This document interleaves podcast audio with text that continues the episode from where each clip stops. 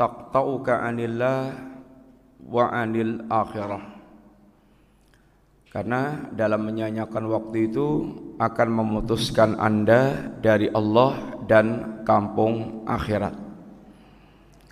Wa ammal maut adapun kematian yaqta'uka anid dunya memutuskan Anda dari dunia. Kehilangan Allah dan kampung akhirat itu artinya kehilangan jannah itu tidak bisa digantikan dengan apa pun walaupun dia memiliki dunia dan seisinya. Oleh karena itulah mari waktu yang sedikit ini kita manfaatkan sebagaimana kebiasaan para salaf kita mengajak kawan-kawannya ta'alau binna nasdadu imanan. Mari kita sebentar menyempatkan waktu dalam rangka untuk meningkatkan keimanan kita. Di antara ayat yang layak kita untuk kembali ingatkan kepada diri kita adalah firman Allah Subhanahu wa taala minkum man yuridu dunya wa minkum man yuridul akhirah di antara kalian ada yang dan di antara kalian ada yang menginginkan akhirat. Kita sama-sama hidup di dunia. Jasad kita masih yaitu berada di atas bumi. Tapi sekian banyak manusia yang ada di atas bumi itu kalau kemudian dipilah dari sisi keinginannya ada orang yang mereka keinginannya semata-mata hanya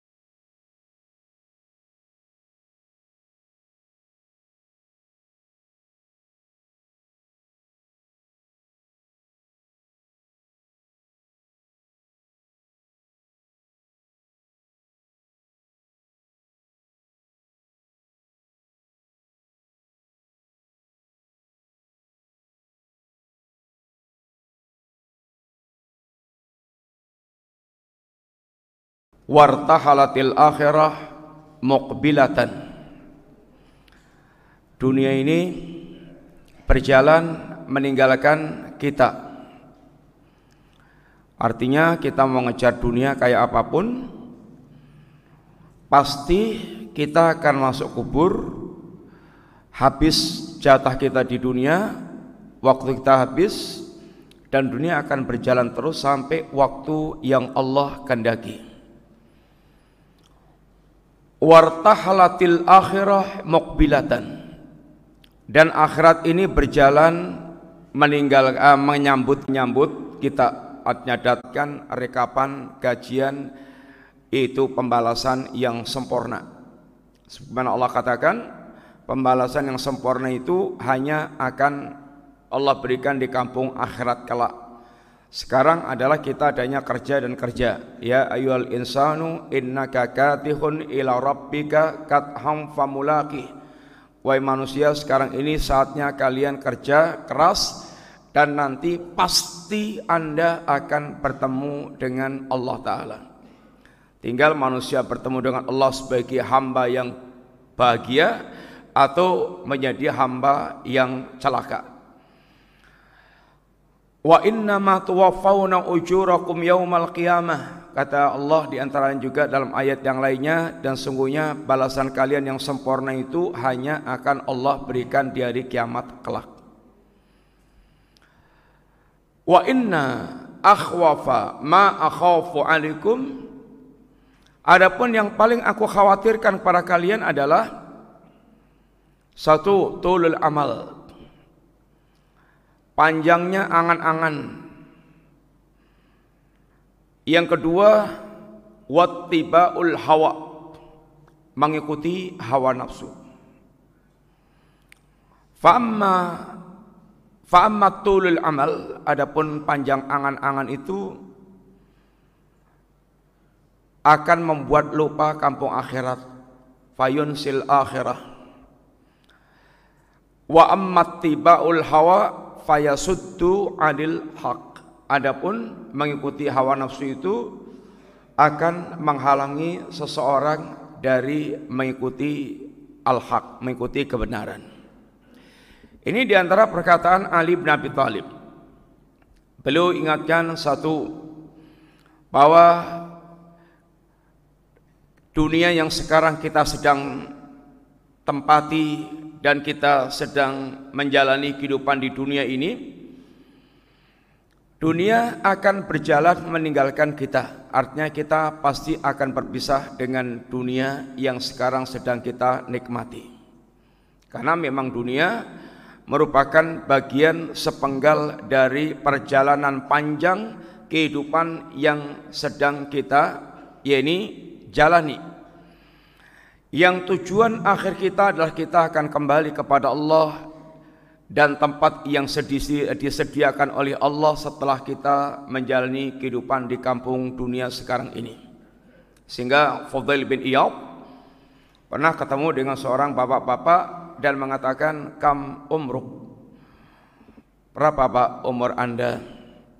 Kata si bapak ini situn 60 idan kalau begitu pak mundu siti nasana tasiru ilallah tushiku antasila oh berarti bapak ini sudah sejak 60 tahun yang lalu sudah mulai berjalan menuju Allah Subhanahu wa taala dan boleh jadi sudah sangat dekat mau nyampe tempatnya, mau sampai tujuannya.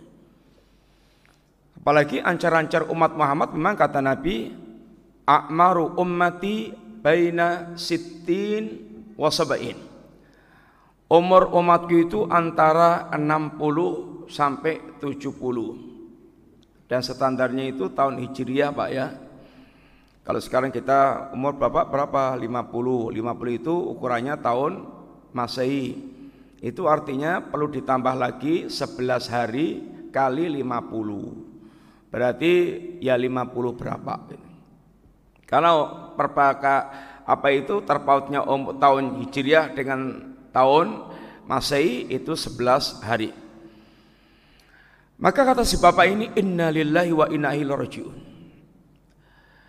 Tahu enggak Pak artinya artinya inna lillahi wa inna ilaihi rajiun itu? Ya saya adalah milik Allah dan saya akan kembali kepada Allah. Kata Fudail bin Iyad, barang siapa yang dia tahu bahwa dia akan bahwa dia milik Allah dan akan kembali kepada Allah dan pasti nanti akan berdiri di hadapan Allah, pasti dia akan ditanya. Dan barang siapa yang dia sadar bahwa dia nanti akan ditanya oleh Allah Ta'ala, maka apa yang telah dia siapkan untuk menjawab pertanyaan Allah tersebut. Dunia kita ini adalah bagian perjalanan panjang yang nanti akhirnya adalah kita akan di jannah atau di nar sebagai ujung perjalanan kehidupan kita. Oleh karena itulah seorang mukmin kata Ali bin Abi Thalib di antara ciri ketakwaan seorang hamba itu wal istidadu liyaumir rahil dia akan senantiasa bersiap-siap untuk menghadapi perjalanan yang sangat panjang. Sangat panjang karena memang sampai kita nanti diputuskan Allah itu prosesnya sangat panjang banget. Sekarang kita di dunia 60, 70, 80, 90 tahun. Tapi nanti kita masuk alam barzah nggak tahu berapa lama sampai kemudian ila yaumi sampai nanti hari dibangkitkan Allah taala. Nanti proses di yaumul mahsyar ini ada hisab, ada ini pertanyaan-pertanyaan dan berbagai macam proses yang sangat panjang di sana. Yang di awal proses sampai menunggu pengadilan Allah saja manusia sampai betul-betul merasakan tidak bisa eh, sangat tidak nyamannya sampai mereka sepakat untuk kemudian minta ini kepada Nabi dari Nabi Nuh datang ke Nabi Adam, ke Nabi Nuh, ke Nabi Ibrahim, Nabi Musa, Nabi Isa sampai Nabi kita Muhammad SAW meminta agar Nabi tersebut untuk memintakan syafaat kepada Allah supaya segera Allah menggelar pengadilannya karena dahsyatnya suasana saat itu. Kemudian kata Ali bin Abi Thalib yang kedua kita diingatkan bahwa bagaimanapun kita melupakan kampung akhirat ketahuilah bahwa akhirat itu berjalan untuk menemui kita. Bagaimanapun kita lari dari kampung akhirat, akhirat pasti kita pasti akan ketemu dengan kampung akhirat. Kemudian beliau ingatkan antara dua kehidupan ini supaya betul-betul kita jangan salah pilih. Jangan salah pilih, jangan salah orientasi. Ada kehidupan dunia, ada kehidupan akhirat, dan manusia itu modelnya ada orang yang mereka pikirannya dunia ansih, ada dunia semata-mata, ada orang mereka pikirannya adalah ini bagaimana sukses di kampung akhirat. Ali bin Abi Thalib beliau berpesan, "Kunu min abna il akhirah wala takunu min abna dunia." Jadilah Anda anak-anak akhirat dan jangan menjadi anak-anak dunia. Rasulullah SAW Ketika menggambarkan bagaimana menjadi anak-anak dunia dan bagaimana menjadi anak-anak akhirat, Nabi pernah menggambarkan dengan ungkapan mangkanatid dunia hammahu. Barang siapa yang dunia itu menjadi cita-cita utamanya, sehingga semua potensi hidupnya itu hanya untuk mendapatkan dunia Dunia itu ya, ya harta, ya jabatan, ya kedudukan, ya kepuasan-kepuasan syahwat, itu dunia. Sebagaimana yang Nabi katakan, eh, yang Allah katakan, zuyina zuyina linnasi hubbus syahawati minan nisa'i wal banina wal qanatiril muqantarati minad dhahabi wal fiddati wal khailil musawwamati wal an'ami wal hars. Dzalika mata'ul hayatid dunya. Dijadikan indah dalam pandangan mata manusia. Kemudian ada kecintaan kepada perkara tersebut ada unsur syahwatnya. Zuyina linasi hubbus syahwati. Ini menunjukkan manusia kalau sudah berkaitan dengan dunia itu sangat amat lengket. Illa man rabbuh ah. Nabi katakan, "Mangkanatid dunya hammahu" Barang siapa yang dunia itu menjadi cita-cita utamanya, satu kata Nabi, ja'alallahu faqrahu bainaihi baina ainaihi. Allah jadikan kefakiran itu ada di kedua kelopak matanya.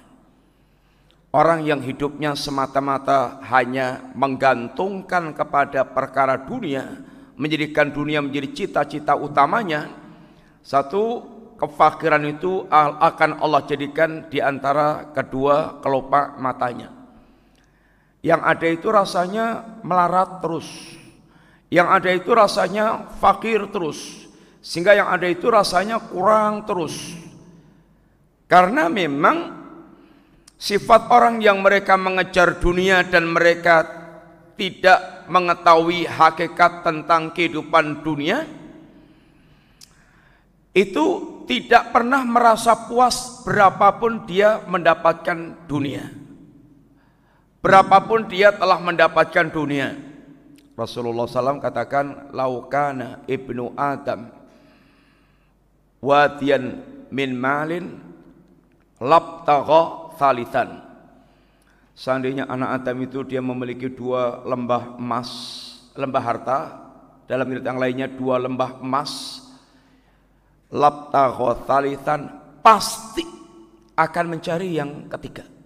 Dapat yang ketiga, cari yang keempat terus demikian sehingga tidak pernah puas sampai minta maaf perutnya meledos dengan tanah alias dia masuk kubur sudah mati ya sudah nggak ada kesempatan lagi berangan-angan.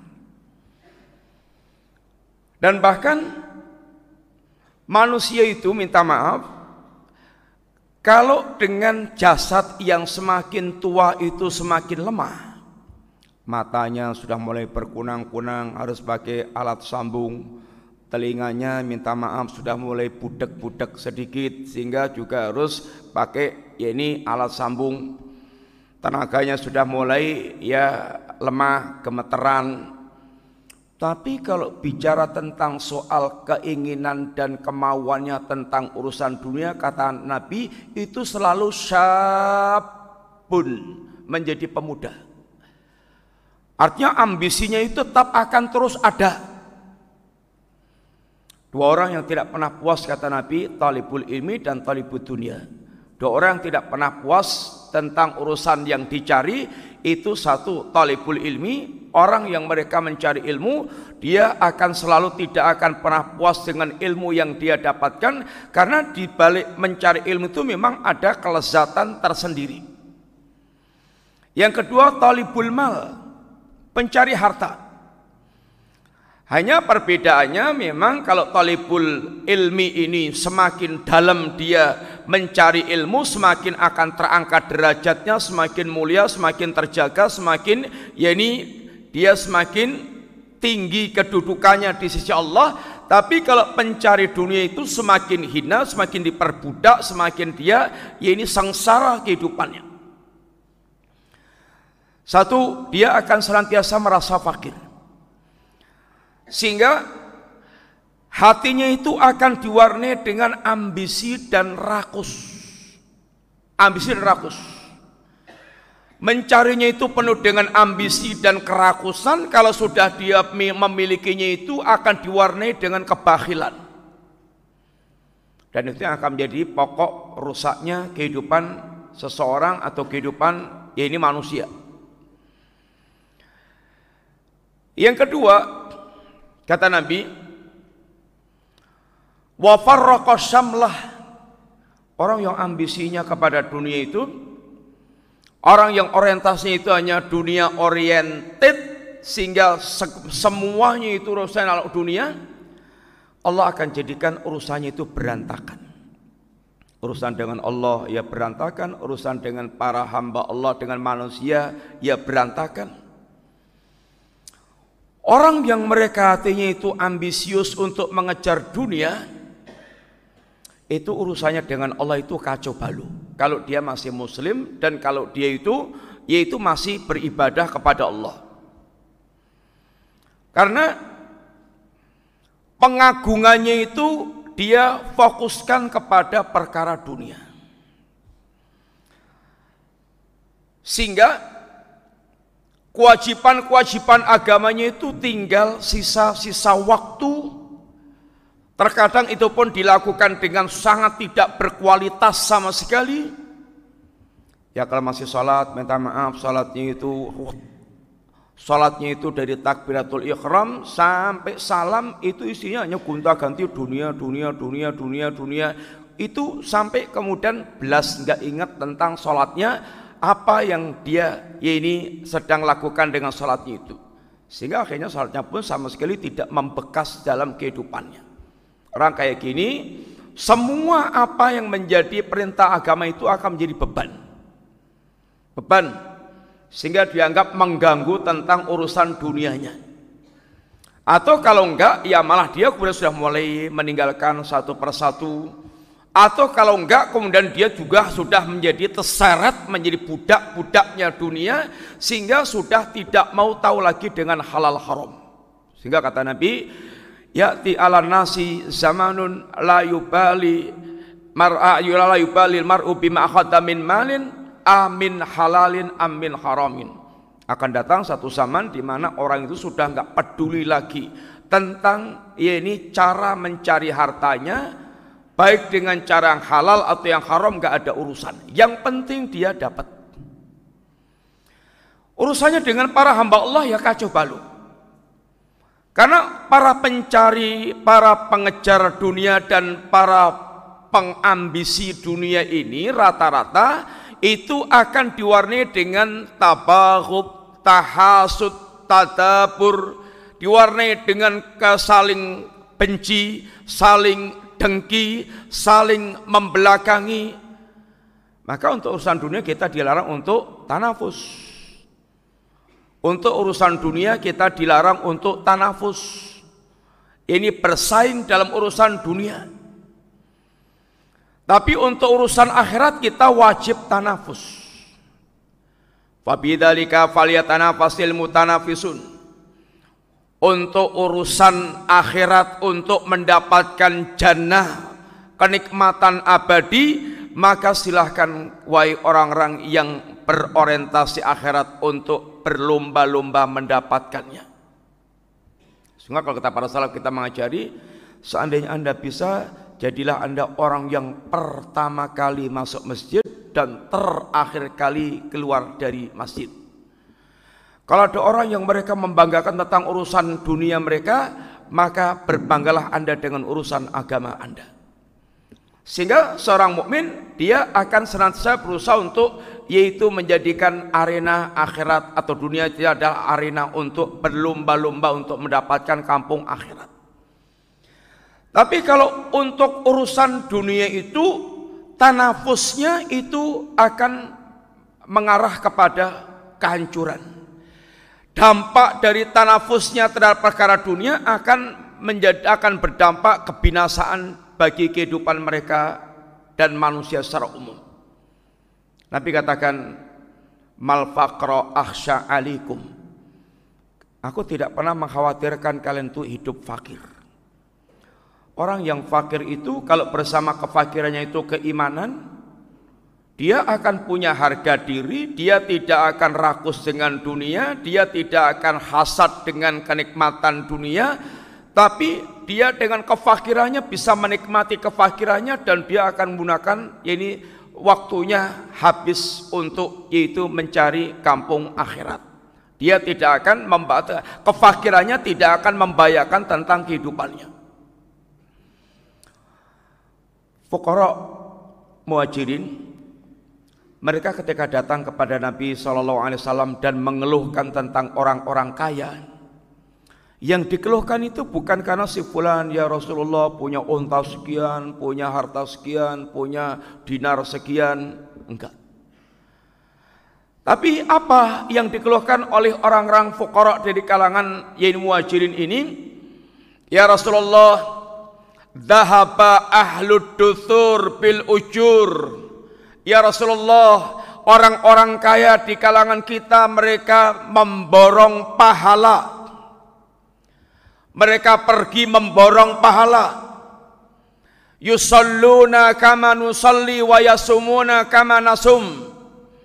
Ya Rasulullah mereka itu salat sebagaimana kami salat, mereka puasa sebagaimana kami puasa. Tapi ya Rasulullah mereka wa yatasaddaquna bi fuduli amwalihim. Tapi mereka ya Rasulullah mereka ini yaitu bisa bersodakoh dengan kelebihan harta yang mereka miliki yang aku tidak bisa melakukan yang kami tidak bisa melakukan ya Rasulullah.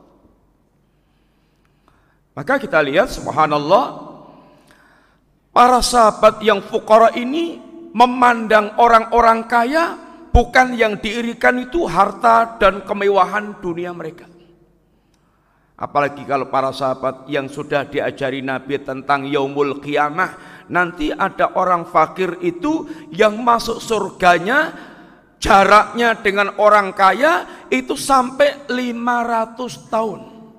Orang fakir sudah menikmati surga, yang orang kayanya masih dihisap oleh Allah Subhanahu wa taala. Maka hal-hal yang seperti ini bagi orang fakir itu akan membuat mereka yaitu hatinya tetap tenang dan bisa menikmati kefakirannya dengan berharap kepada Allah taala. Kemudian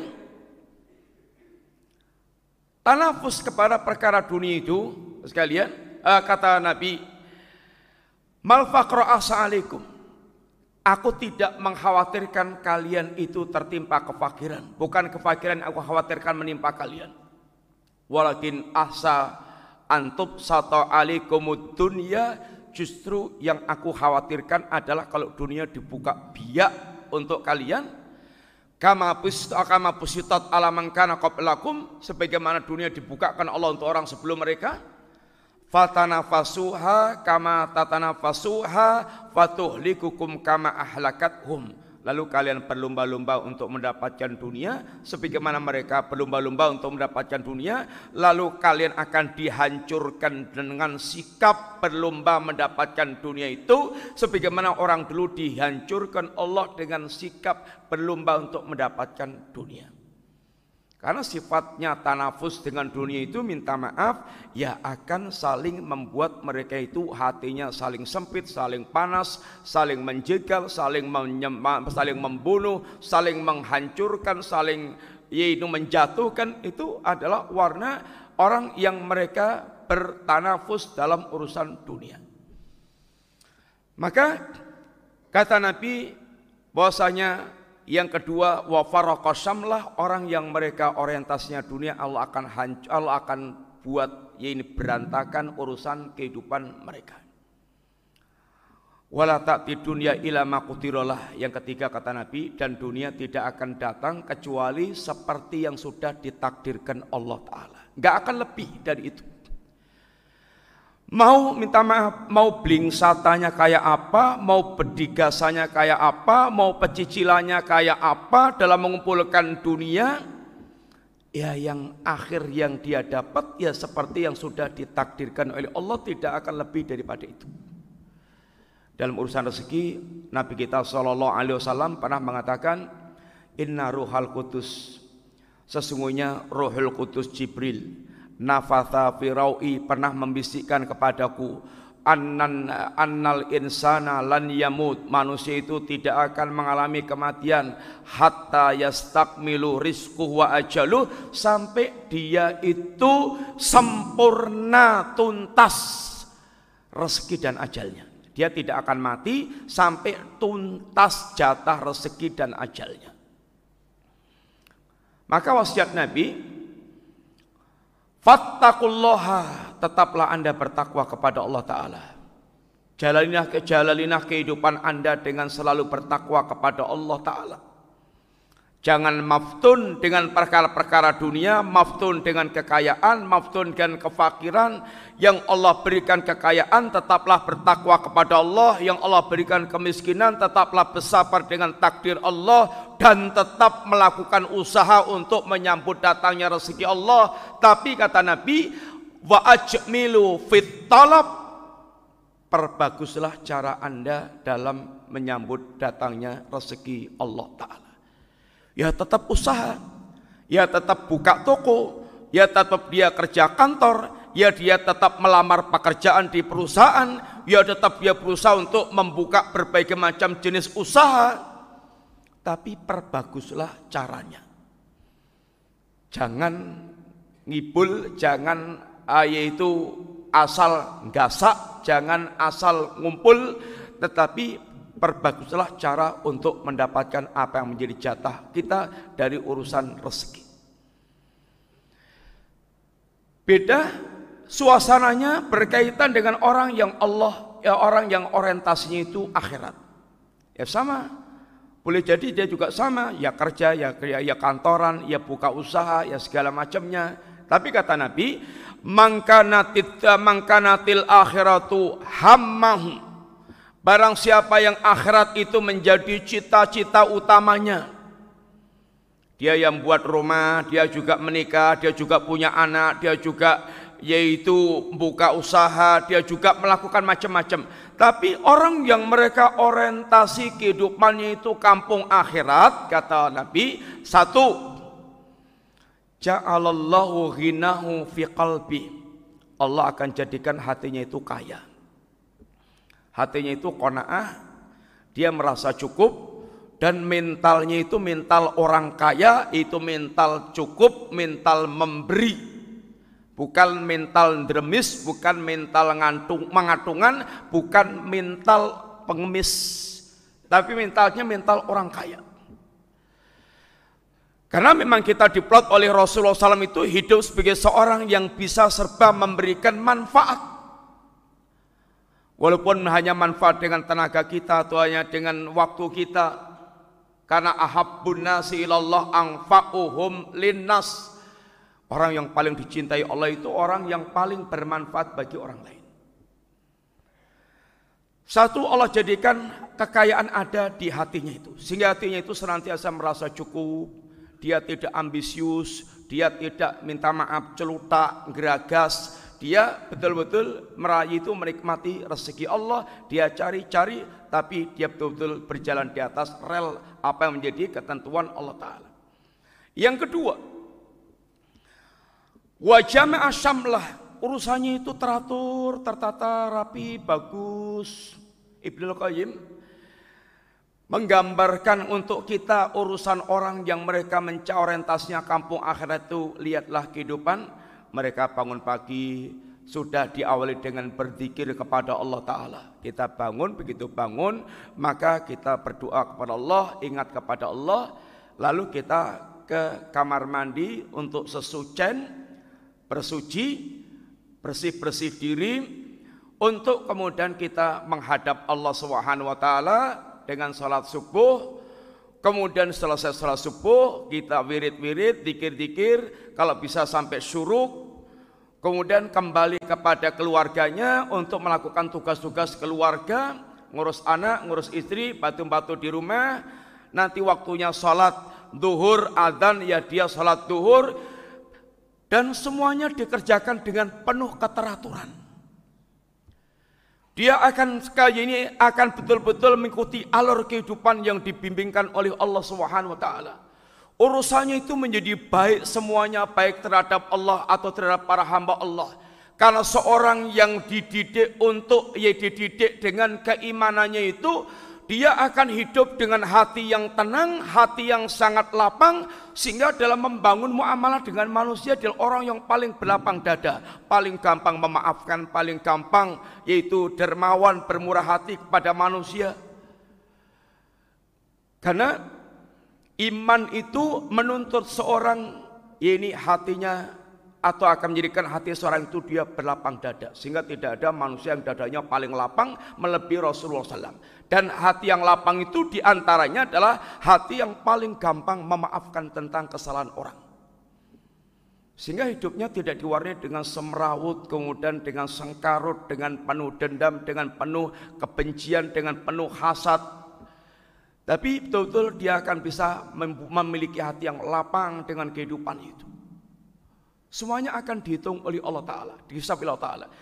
Tidak dalam kamu seorang mukmin yang mencari kampung akhirat, para sekalian, itu tidak ada istilah ngapunten, tidak ada istilah tetesan keringat yang sia-sia, tidak ada istilah rupiah keluar yang sia-sia, tidak ada istilah capek yang sia-sia, karena semuanya ini akan direkap oleh Allah Subhanahu wa taala karena Allah Asy-Syakur. Allah dat yama mensyukuri para hamba apa pun yang menimpa mereka kelelahan, capek, musibah sekecil apa pun dan apa yang dia lakukan berkaitan dengan amal-amal dengan jiwanya, dengan hartanya itu tidak ada yang disia-siakan, tidak ada yang tersia-siakan. Sehingga semuanya tertata dan terkumpul bagus. Wa atati dunia wahya rahimah.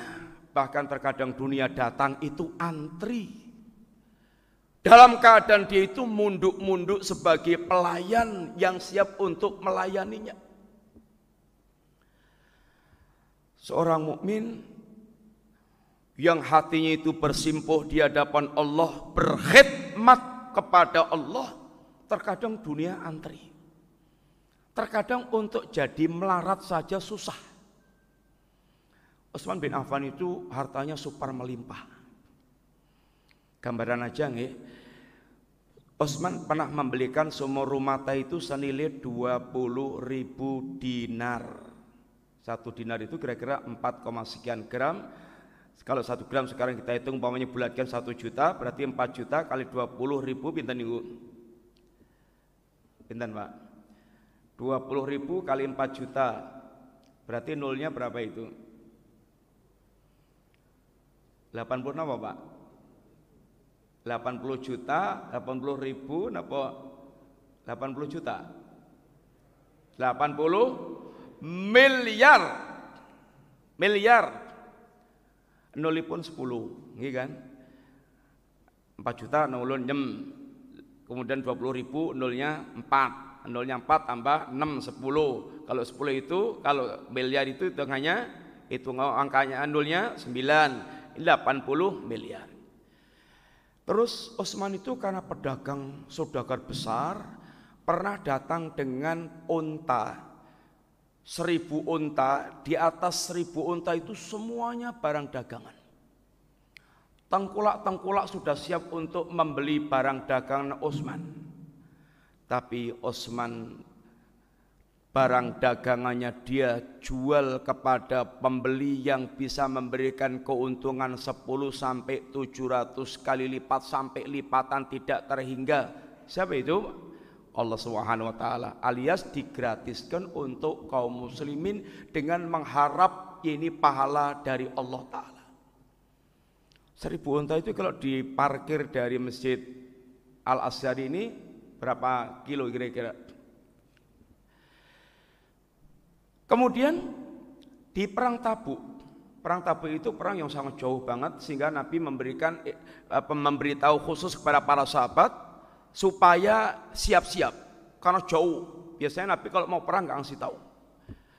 Tapi ini kasih tahu karena jauhnya. Madinah eh, Madinah Tabuk itu kalau panjenengan mungkin umroh kemudian diajak pelesir ke Tabuk Tabuk itu kira-kira jaraknya 700 kilo dari Medina. Jauh. 700 kilo Jogja Jakarta niku sekitar 500-an kilo. Berarti masih lebih jauh lagi, masih tambah 200-an kilo lagi. Dan itu enggak ada bis, enggak ada kereta, enggak ada pesawat.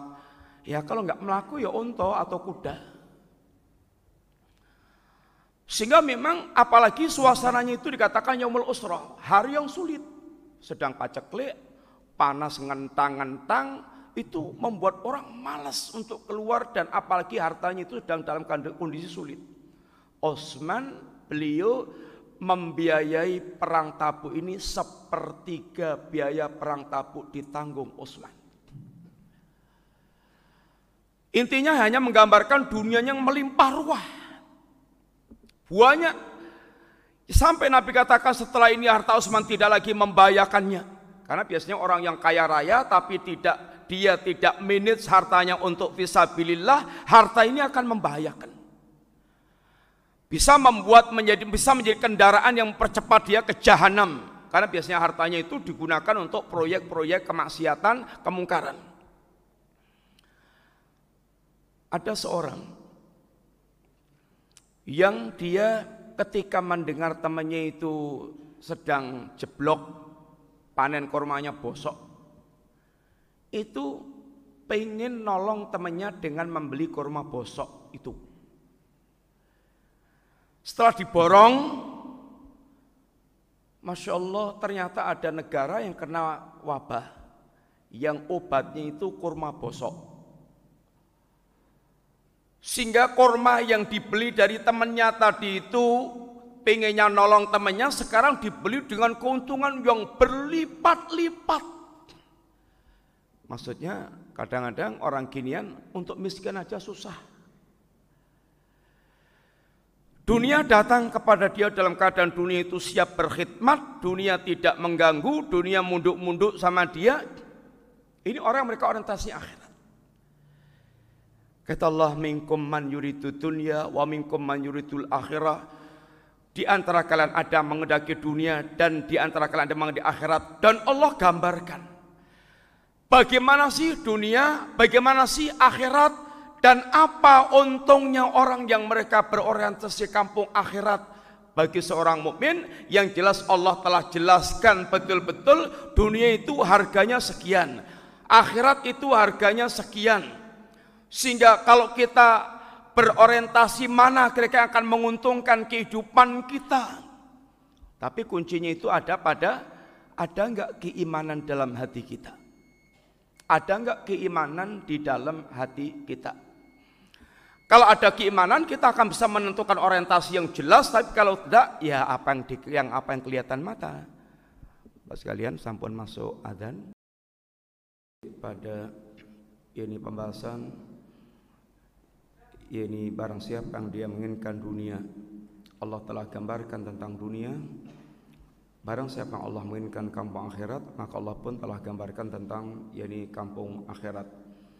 Sehingga qad tabayyana rusdu minal ghayyi, jalan yang lurus telah jelas, jalan yang bengkok telah jelas. Tinggal ke mana kita mengarahkan orientasi kita.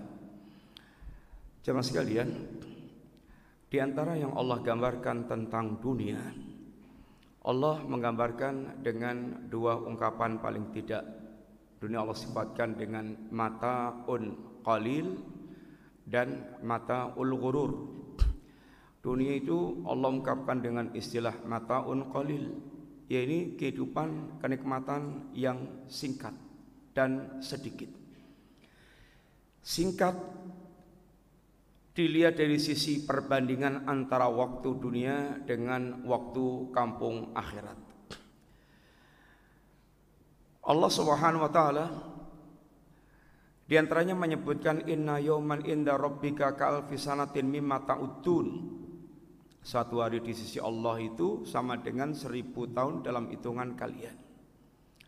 Dan ngapunten kira-kira di dunia ini panjenengan pengen umur pinten? Satu cekap dereng. Zaman kita ini umur satu itu sudah jelek. Mau gelenian sama teman-temannya sudah nggak ada semua, tinggal satu dua.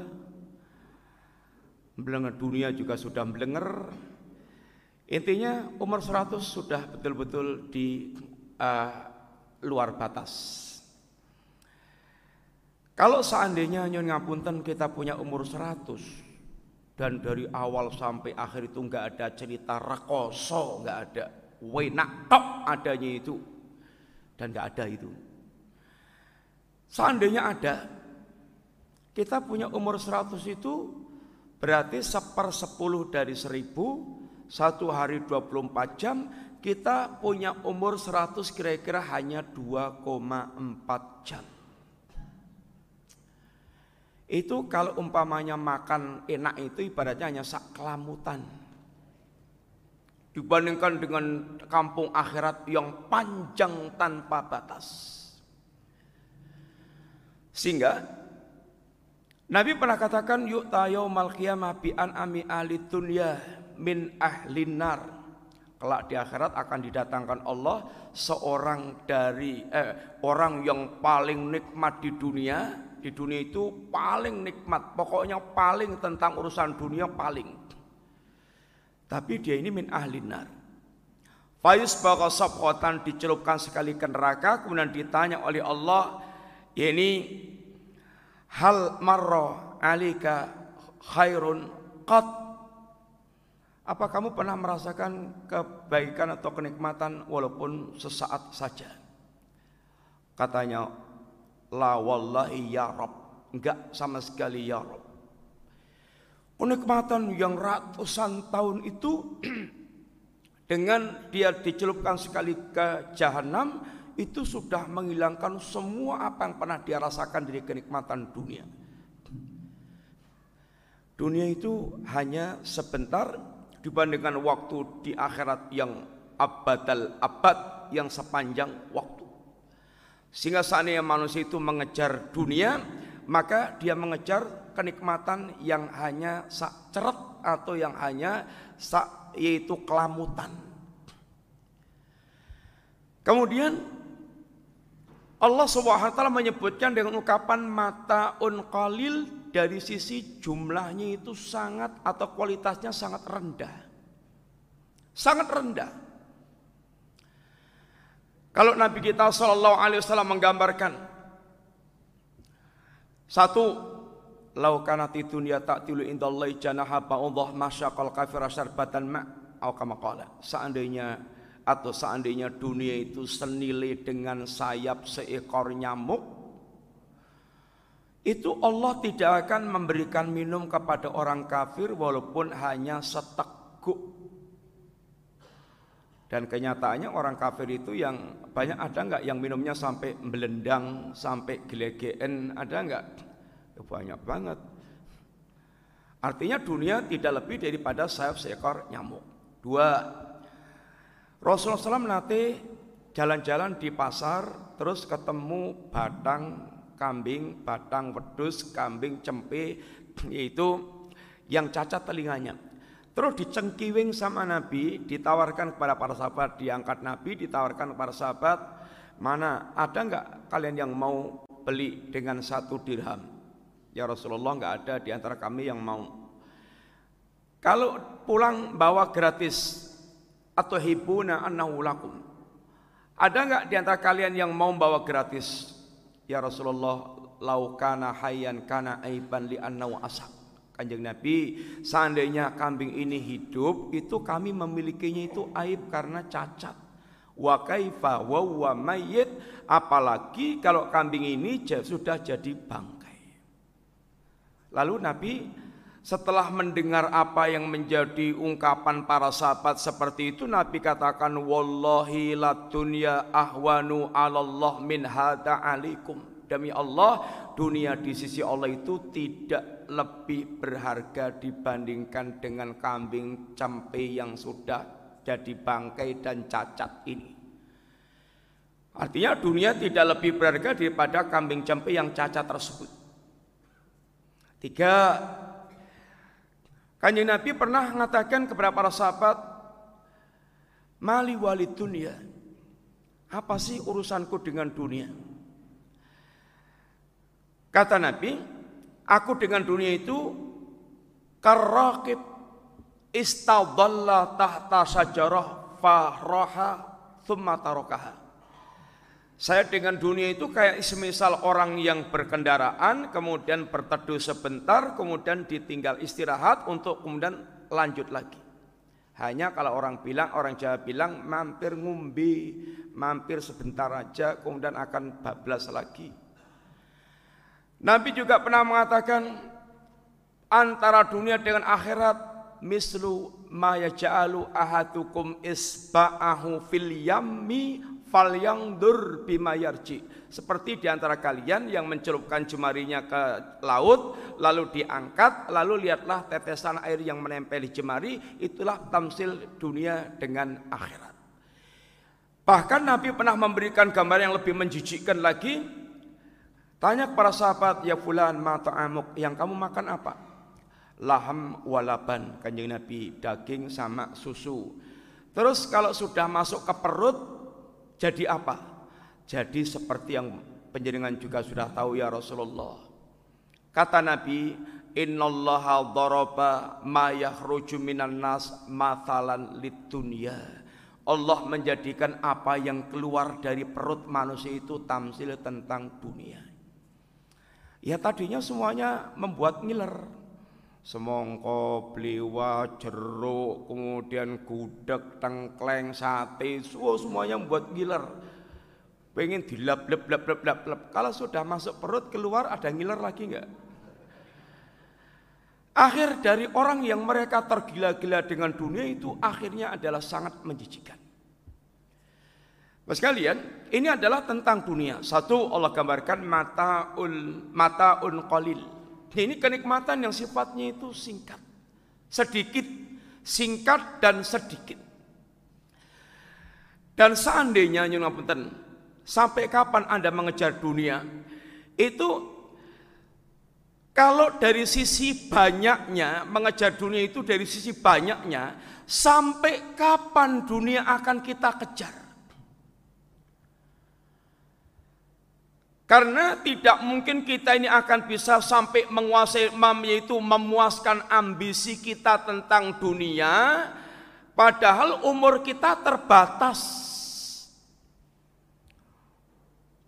Mengimpi-ngimpi pengen jadi orang paling kaya sejakarta. Tuh sampai ngos-ngosan. Nanti atau bukan Jakarta, pertama sejogja karena kalau Jakarta udah standar paling puncak saya ke Jogja, oh lagi sak Jogja, durung sak Jawa. Nanti udah sak Jawa, oh durung sak ini Jawa Sumatera. Kalau udah sak Jawa Sumatera, oh belum sak Indonesia. Lah umurnya berapa? Sampai kapan? Mau ngejarnya sampai kapan? Dan sifatnya manusia itu kurang terus. Terus kita mengejar dunia mau sebanyak apa itu terus untuk apa? Kanjeng Nabi SAW itu pernah ketika membacakan ayat Al-Hakumut Takathur Bermegah-megahan, berbanyak-banyakan urusan dunia itu telah membuat kalian lupa, lupa tentang Allah, lupa tentang kampung akhirat, lupa mempersiapkan diri kalau dia mau mati, lupa semuanya. Karena dia asyik mencari dan mencari dan mencari dan mencari, bahkan boleh jadi menikmatinya nggak tahu berseberapa. Kata Nabi, Yakulu ibnu Adam mali mali anak Adam mengatakan ben melek moto tiap hari itu kata Nabi. Anak Adam itu tiap hari itu tanyanya hartaku hartaku hartaku hartaku. Rekapan hartanya yang selalu dia hitung-hitung terus? Kalau tentang hartanya itu ngerekapnya jelimet duit triliunan kelang-kelangan satu sewe konangan tapi untuk akhiratnya mbok kelangan sak huha, sak gajah-gajah itu rano sing ketok. Itu manusia urusan tiap hari bondoku, bondoku, hartaku, hartaku, hartaku, hartaku, hartaku. Ya bondonya, ya jabatannya, ya kedudukannya, ya segala macamnya itu. Kata Nabi, anak Adam, harta anda itu hanya tiga loh. Ma'akalta fa'abnaita wa malabista fa'ablaita wa mata sotakta fa'abqaita. Harta Anda itu hanya tiga. Satu yang Anda makan lalu habis, yang Anda pakai lalu usang, tinggal satu lagi yang Anda sedekahkan yang akan kekal.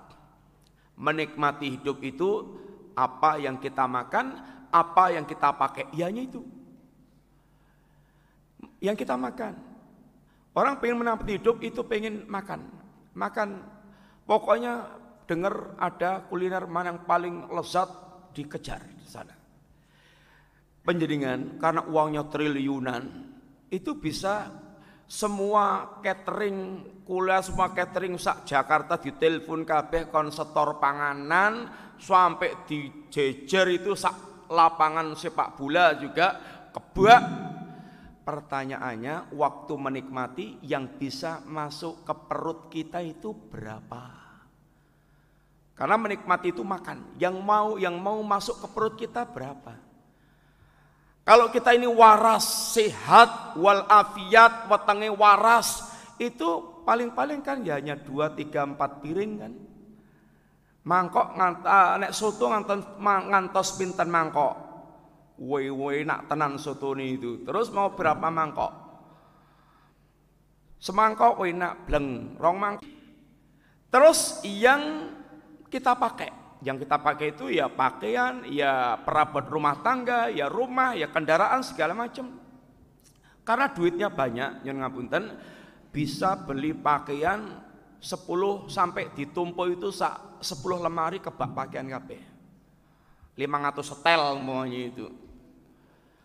Sekarang waktu menikmati pakai. Penjaringan kalau mau katakanlah maksimal pakai pakaian itu itu sekali pakai pinten? Mau jagong mamanya atau mau jagong atau mau mantenan wis komplit pakaiannya dhuwur tekan ngisor kabeh itu kan ya hanya pakai yang paling dua tiga setel. Pakaian dalam baju terus jas apa mau biar kelihatan sugih gitu diketokin 10 setel gitu nanti ada komentar orang oh, itu nembe koplau ya wajarnya paling hanya tiga setel itu hanya itu. Itu pun kadang manusia itu nyuwun ngapunten pakai baju itu ya hanya itu-itu saja sing disenangi itu. Sehingga liane itu kadang antri setahun sekali belum tentu dipakai. Kadang seumur hidup sekali hanya dipakai sekali. Semuanya melangkrak hanya numpuk di rak, di, di lemari aja. Itu pakaian. Penjaringan uangnya triliunan bisa beli mobil yang harganya miliaran, bisa 10, rong puluh, tapi masalahnya waktu menikmati mobil, pakai mobil itu berapa sekali pakai mobil? Ya hanya satu. Itu pun ya nggak mungkin 24 jam muter-muter terus ben maksimal menikmati mobilnya ya mati di mobil loh nanti. Oh kita butuhnya juga yang ke sana kemari hanya sebentar aja. Bisa buat rumah, beli rumah setiap ada developer nawari rumah kemudian dibeli dibeli dibeli dibeli sampai 10 rumah satu rumah kamarnya 10 kemudian uh, sofanya atau dipannya yang paling uh, eksklusif yang paling bagus semuanya mendut-mendut sekarang sekali mau tidur mau sekali sekali tidur mau pakai berapa sofa atau pakai berapa itu apa itu bed Ya satu. Masa mau gelibak menikmati yang enggak mungkin. Itu pun kalau waras. Kadang-kadang ada orang yang mereka karena penuh dengan penyakit, ya gula, ya asam urat, ya ancaman stroke, ya segala macam, duitnya seambra-ambra, duitnya banyak, tapi ya tinggal menikmatinya wedang putih, kemudian godokan-godokan, itu ada orang punya kekayaan itu 60% dari tanah di kota wilayah itu. Omai magrong-magrong. Terus tinggalnya itu dia malah di rumah yang temboknya triplek, atapnya seng, terus mangannya itu hanya kentang godok sama tahu godok. Padahal dunia ini seambra-ambra. Dunia itu sedikit. Kalau toh kita punya banyak itu menikmatinya juga tetap sedikit. Kadang-kadang kita yang diperas cari dunia tapi yang menikmati orang lain. Kitanya terus golek terus golek dunia terus sampai mati yang menikmati orang lain. Kita nggak menikmati dunia yang kita kumpulkan. Satu mata qalil. Yang kedua mata ul gurur. Mata ul gurur. Kalau kita mencari dunia itu untuk mendapatkan kebahagiaan, oh penjenengan mesti bakal kecilik. Ngertos kecilik mboten? Bakal kecilik. Karena mencari mengejar dunia untuk berbahagia itu kayak mengejar fata morgana. Apa itu fata morgana? Napa niku fata morgana? Baik ini bayangan kosong atau bayang atau bayangan tipuan. Dari kejauhan itu kayak air ngimplah-ngimplah bagi orang yang kausan itu sangat menjanjikan dia kejar sampai tempatnya ngaplu. Ternyata nggak ada apa-apa. Dia bayangkan dunia dunia itu kalau punya dunia itu sangat berbahagia jadi orang terkenal, jadi pejabat tinggi, jadi orang kaya raya. Ternyata banyak orang yang telah sampai tujuannya dan malah gila stres, bunek, sesek karena tumpukan masalah yang ternyata tidak dia bayangkan. Karena memang kebahagiaan itu di sini bukan letaknya itu di lidah, bukan di kemaluan, bukan di yaitu perut, bukan di mata, bukan di telinga, bukan di perabot-perabot, tapi kebahagiaan itu di sini. Dan tidak akan mungkin hati kita merasa kebahagia kecuali hati kita nyantolnya itu kepada Allah Ta'ala. Tanpa itu kita tidak akan pernah mendapatkan hakikat kebahagiaan. Kata Ibnu Qayyim, orang yang mereka mengejar dunia itu, tamsilnya itu satu, kayak dunia itu kayak wanita pelacur. Namanya wanita pelacur itu ya tugasnya dandan, golek pelanggan, dan dia nggak pengen ada laki-laki setia. Pengen gonta ganti, gonta ganti, gonta ganti. Dan tidak ada penikmat pelacur itu yang berbahagia, enggak ada. Laki-laki mana yang bisa berbahagia dengan menikmati pelacur, enggak ada. Kalau tak bisa lezat itu hanya lezat sesaat, tapi tidak mewariskan kebahagiaan. Yang ada bahkan hatinya tambah galau, tambah sempit, tambah itu mendedek, tambah enggak karuan. Itu yang ada. Atau kata Ibnu Qayyim, orang yang mengejar dunia itu kayak orang yang mereka itu berenang di air eh, di pusaran air yang penuh dengan buaya. Gimana nasibnya kira-kira? Berenang di pusaran air yang penuh dengan buaya. Orang no boyonya aja selamatnya kemungkinan kecil, apalagi banyak boyonya itu. Atau berjalan di hutan belantara yang banyak binatang buas. Intinya menggambarkan tentang ini kecilnya kemungkinan selamat orang yang mereka ambisius tentang urusan dunia. Dia akan diseret eh, sampai dia betul-betul binasa dengan dunianya ini tersebut. Sekalian, Maka terakhir wasiat Allah Subhanahu wa taala kata Allah fala tahurrannaka wa fala fa ini ya ayuhan nas inna wa'tallahi haqqun fala tahurrannakal haya fala tahurrannakumul hayatud dunya wala yaghurrannakum billahil ghurur. Wahai manusia janji Allah itu benar lu surga itu benar neraka itu benar. Allah janjikan pahala-pahala itu benar. Kalau Anda beramal baik akan Allah berikan uh, pahala yang sempurna itu benar. Maka jangan sekali-kali kalian tertipu oleh kehidupan dunia dan jangan kalian sekali-kali tertipu oleh syaitan. Terus kita di dunia ini harusnya bagaimana? Kata para salaf kita, nyun ngapunten, satu, Perlakukan dunia seperti yang Allah telah katakan bahwasanya dunia itu hakikatnya kalau dibandingkan dengan kampung akhirat itu sangat rendah, sangat sedikit, sangat singkat sehingga kita selalu membangun orientasi yaitu kampung akhirat. Yang kedua, jadilah kita seperti yang dinasihatkan oleh Nabi Shallallahu Alaihi Wasallam. Kun fit dunia ka'annaka gharibun au abiru sabil. Jadilah anda di dunia ini seperti orang yang gharib, orang yang asing atau musafir. Asing itu tafsirannya satu anda punya urus kesibukan urusan sendiri, umumnya manusia punya kesibukan urusan sendiri sehingga Anda nampak asing. Seorang mukmin di dunia itu dengan orientasi akhirat yang yang dia betul-betul hidup dengan batasan-batasan agama Allah itu di tengah-tengah manusia yang mereka hanya mengejar dunia dan mereka ingin memuaskan hawa nafsunya kehidupan orang mukmin yang kayak gini itu akan bisa menjadi asing. Aneh.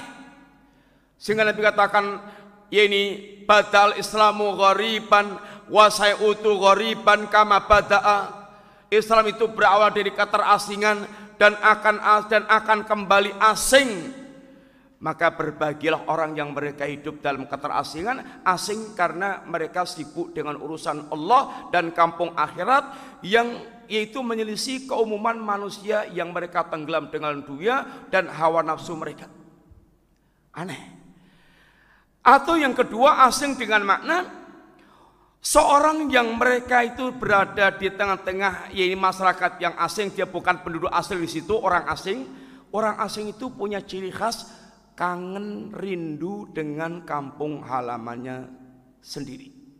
Hal kampung halaman mukmin adalah jannah tilkal yaitu tilkad darul akhirah naj'aluha lil ladina la yuriduna uluwan fil ardi wala fasadan ini adalah kampung yang Allah sediakan untuk mukmin adalah jannah. Dia ada kerinduan dengan kampung akhirat, apalagi Allah telah terangkan bagaimana kondisi jannah yang disediakan oleh Allah, apalagi dengan ada nikmat bonus yaitu melihat wajah Allah. Lilladina ahsanul husna wa ziyadah bagi orang yang berbuat baik di dunia berislam dengan baik beriman dengan baik berbuat ihsan maka bagi mereka surga.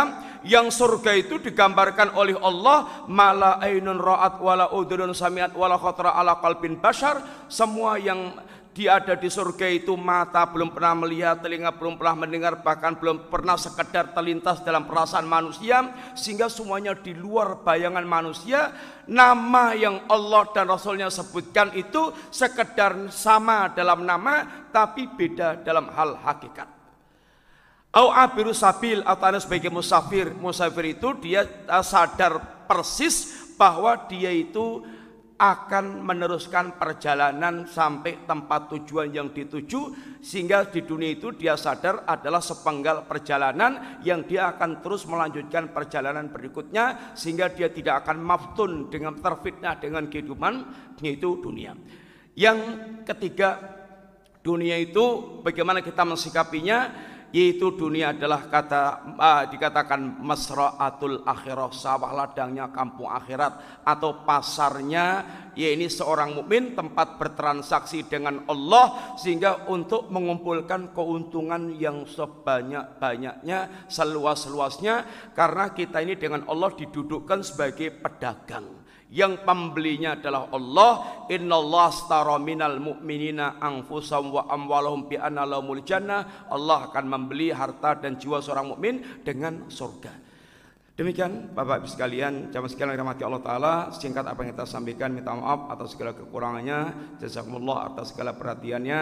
Wassalamualaikum warahmatullahi wabarakatuh.